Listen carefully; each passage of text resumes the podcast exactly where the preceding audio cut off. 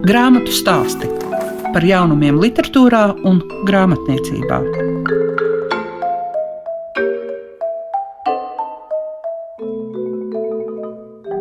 Prieks tikties ar grāmatu stāstu klausītājiem. Tā tad esat arī klasikas klausītāji, un kopā, kā parasti, ar jums liega piešiņa. Bet šīs dienas raidījumā jūs dzirdēsiet dzinteru Tilaku, jo viņš ir radījis 20. grāmatu ar nosaukumu Zlatas ceļš, kas stāsta par notikumiem Ukrajinā. Un vēl būs arī saruna par Martina Šlēskas grāmatu Vioļmeistars skaņa. Grāmata, kas tulkota no vācu valodas un ļauj izjust šī slavenā vijoļmeistara Martina Šlēskes pasauli. Grāmatu stāsti programmā Klasika. Šīs dienas grāmatu stāstos dzirdēsiet Zintaru Tilaku. Viņš īstenībā gana lepni uz savas 20. grāmatas vāka ir arī uzrakstījis, ka tā ir 20. grāmata. Šķiet jau galīgi neticami, bet par to, kā tad vispār radās tā ideja Zlatas ceļam. Kā lai pasaka, dzīve pati diktē visu. Ukrāņu ģimene, kas ar mums kopā dzīvo, nu, un uh, Ukrāņu dāma, kur man jautāja, kas tu esi, kur tu strādā? Es saku, nu, Latvijas rādio vispār strādāju. O, at, no mājām strādāju. Es saku, nē, no mājām es daru citas lietas, es rakstu grāmatas. Oho, ho, cik tu esi uzrakstījis? Es saku, 19. Un viņi tā kā nu, tā kā jokodām, tā kā puses nopietni, nezinu, bet viņi pateica, nu, tu negribi 20. grāmatu uzrakstīt par Ukrajinu.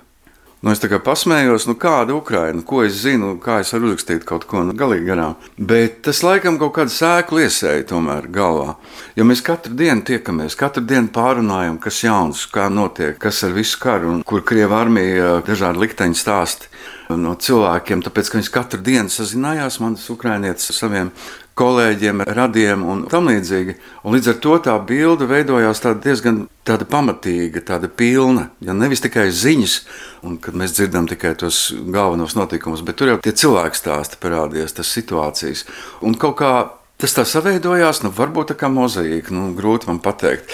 Es, jā, es katru dienu arī sekoju līdzi, skatos dažādas video ierakstus, lasu. Un, nu, jau esmu ukrāņiski ielauzījies, un es varu klausīties arī tieši no ukrāņiem, kas nāk visu šo informāciju. Nu, tad izveidojās no tiem mazajiem tādām epizodītēm, varētu teikt, tapa galvenā varone Zlata meitene, kas mācās 7. klasē.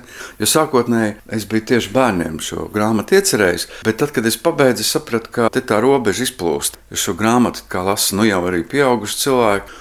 Galu galā tas ir stāsts, kur laikam nu, gandrīz jebkurā vecumā varētu interesēt. Kā tev pašam veidojas vispār, kurā brīdī tu zini, vai tas ir pieaugušajiem vai jaunākai paaudzei? Jo tev jau ir kultūra vēsturiskas grāmatas. Man liekas, ka pēc tās informācijas bija, ka deviņas tieši jauniešiem domātas.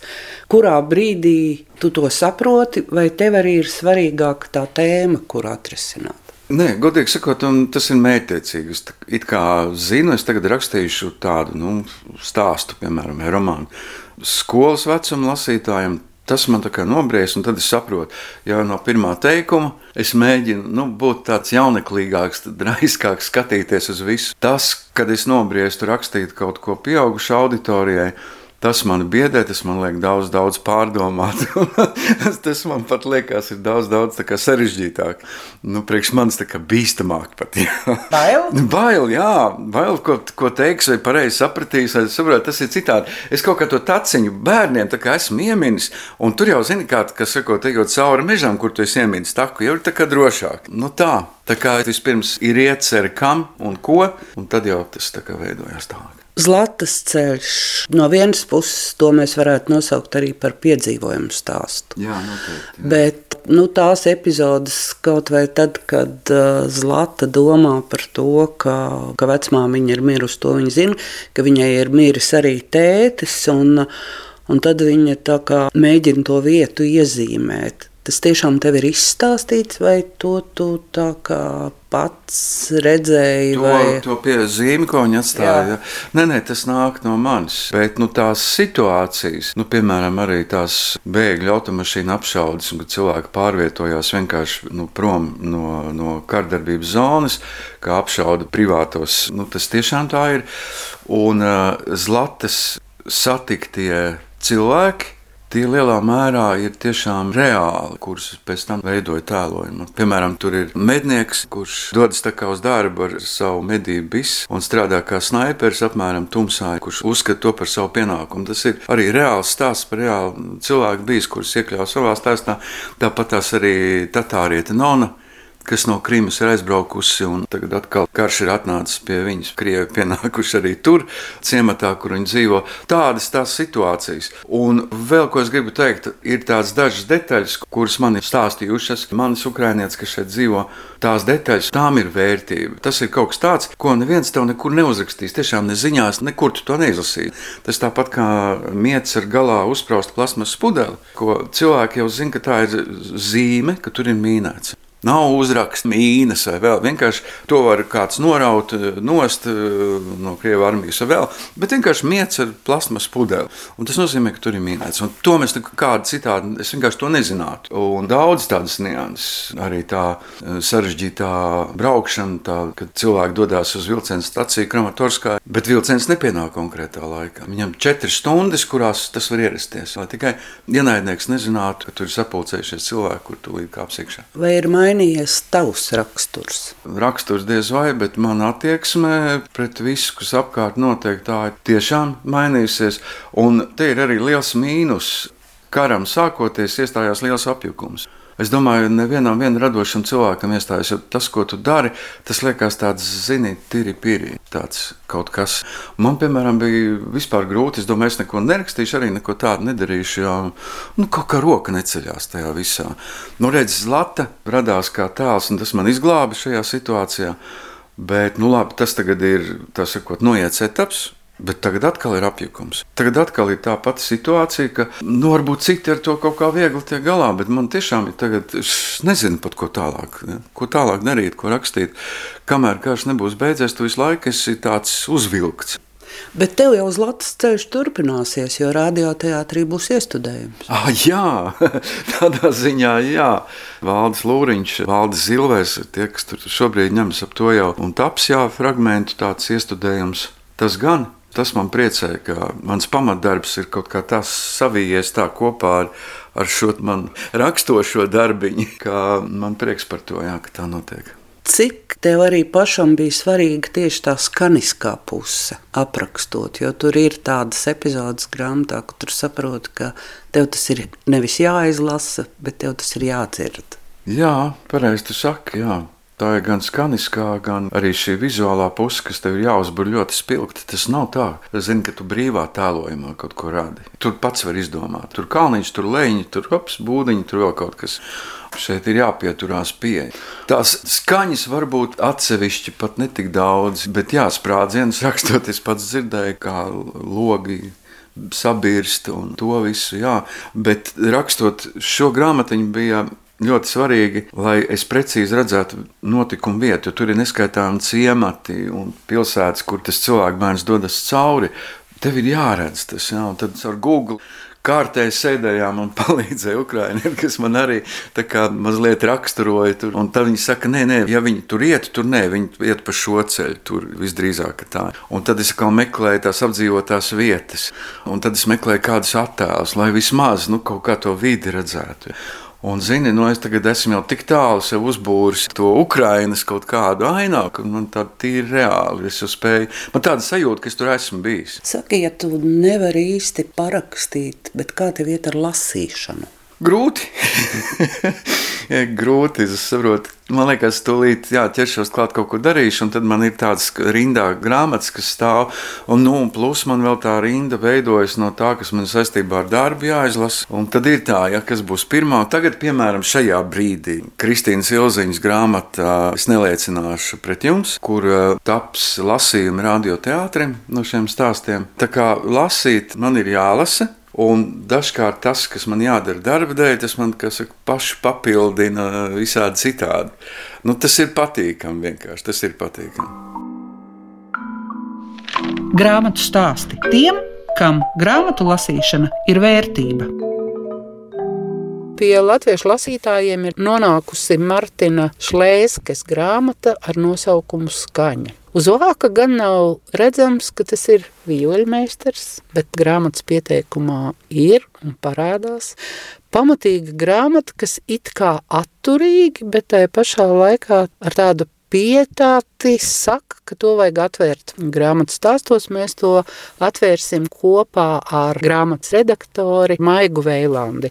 Šajā grāmatā ielūkojoties, ne visu izlasot, es sapratu, ka Martin Šlēskes saka, nesteidzieties. Esiet lēnāki un esiet pamatīgāki. Pavisam noteikti tā ir. Un jāsaka, ka man kā redaktorei arī bieži vien nācās apstāties dažādu iemeslu dēļ. Vispirms jau interesanto domu dēļ, saistošās tēmas dēļ, jo es pati neesmu mūziķa, un daudzas lietas man bija jaunas, nezināmas, pētāmas, bet es teiktu, ka galvenokārt bija tiešām jāapstājās, jo burtiski katra lapa deva kādu domu, kādu ideju, kādu pavērsienu, kuru gribējās arī pašai tā piestāt un padomāt.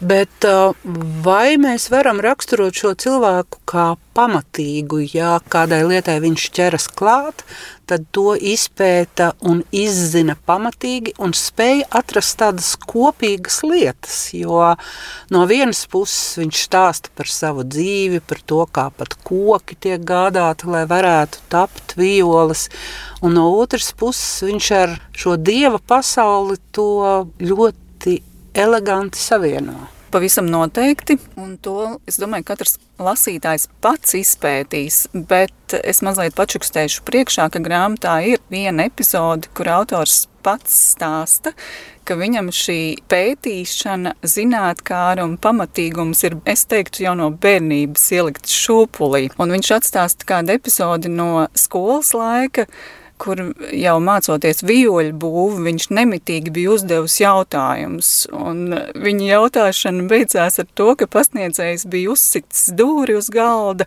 un teicis, klausies, ja tev kaut kas nepatīk, tu vari doties arī projām. Bet, nu, kā autors pats saka, tad uh, beigās viņš bija sapratis, ka īstenībā pasniedzējiem pašiem nebija atbildes uz daudziem jautājumiem.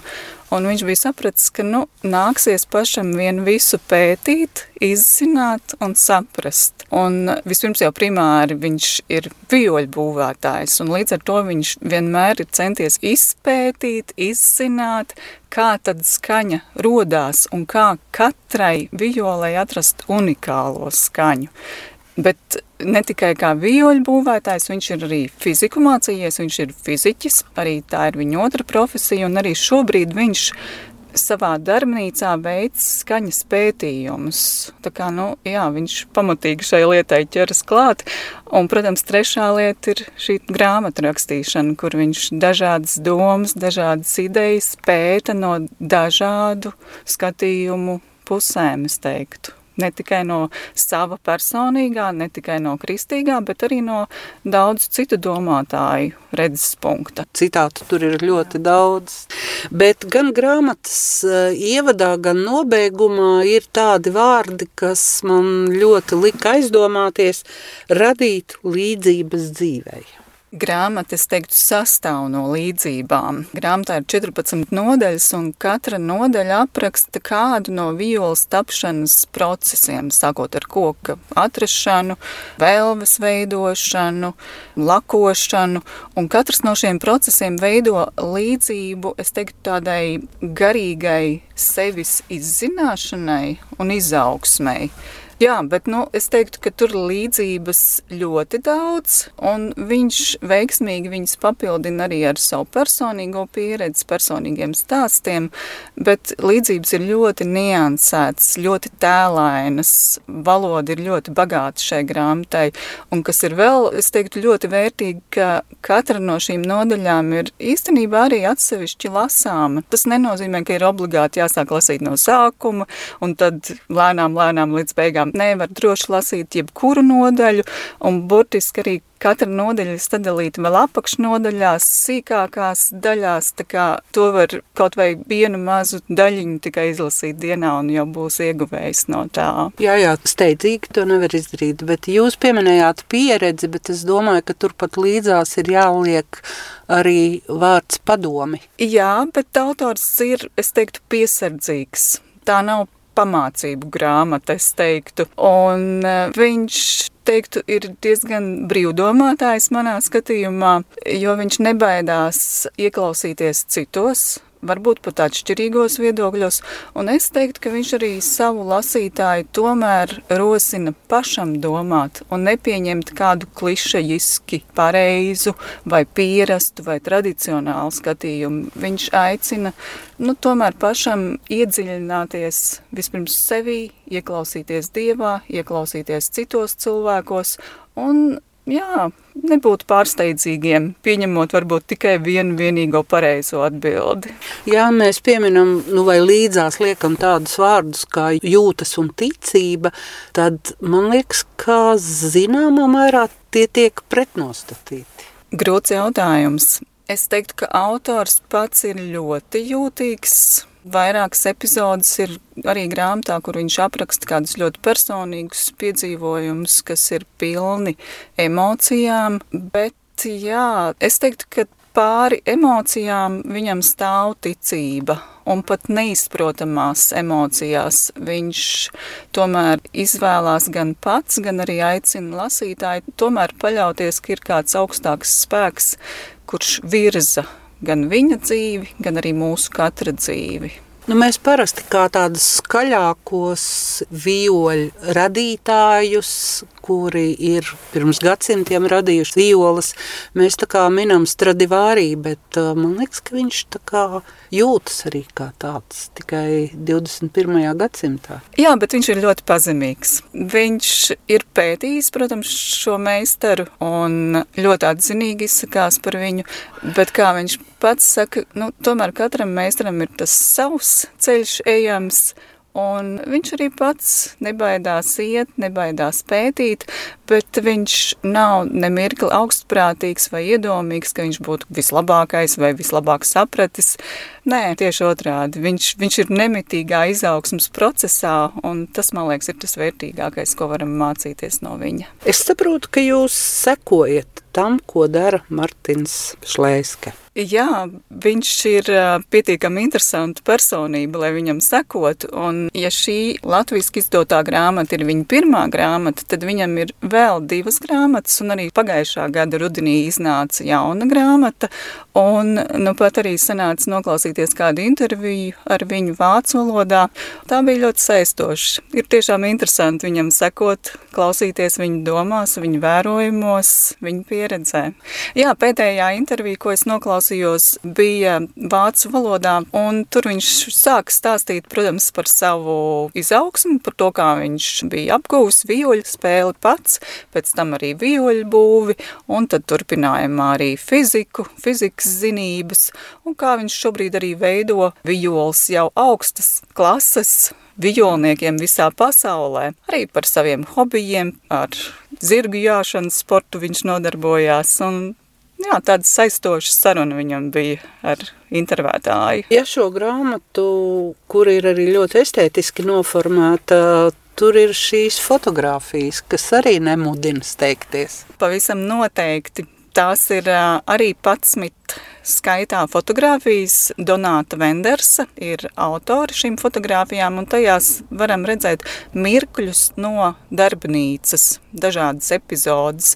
Viņas ir ļoti, es teiktu, noskaņu pilnas. Grāmatas nosaukums Martina Šlēskes ir skaņa.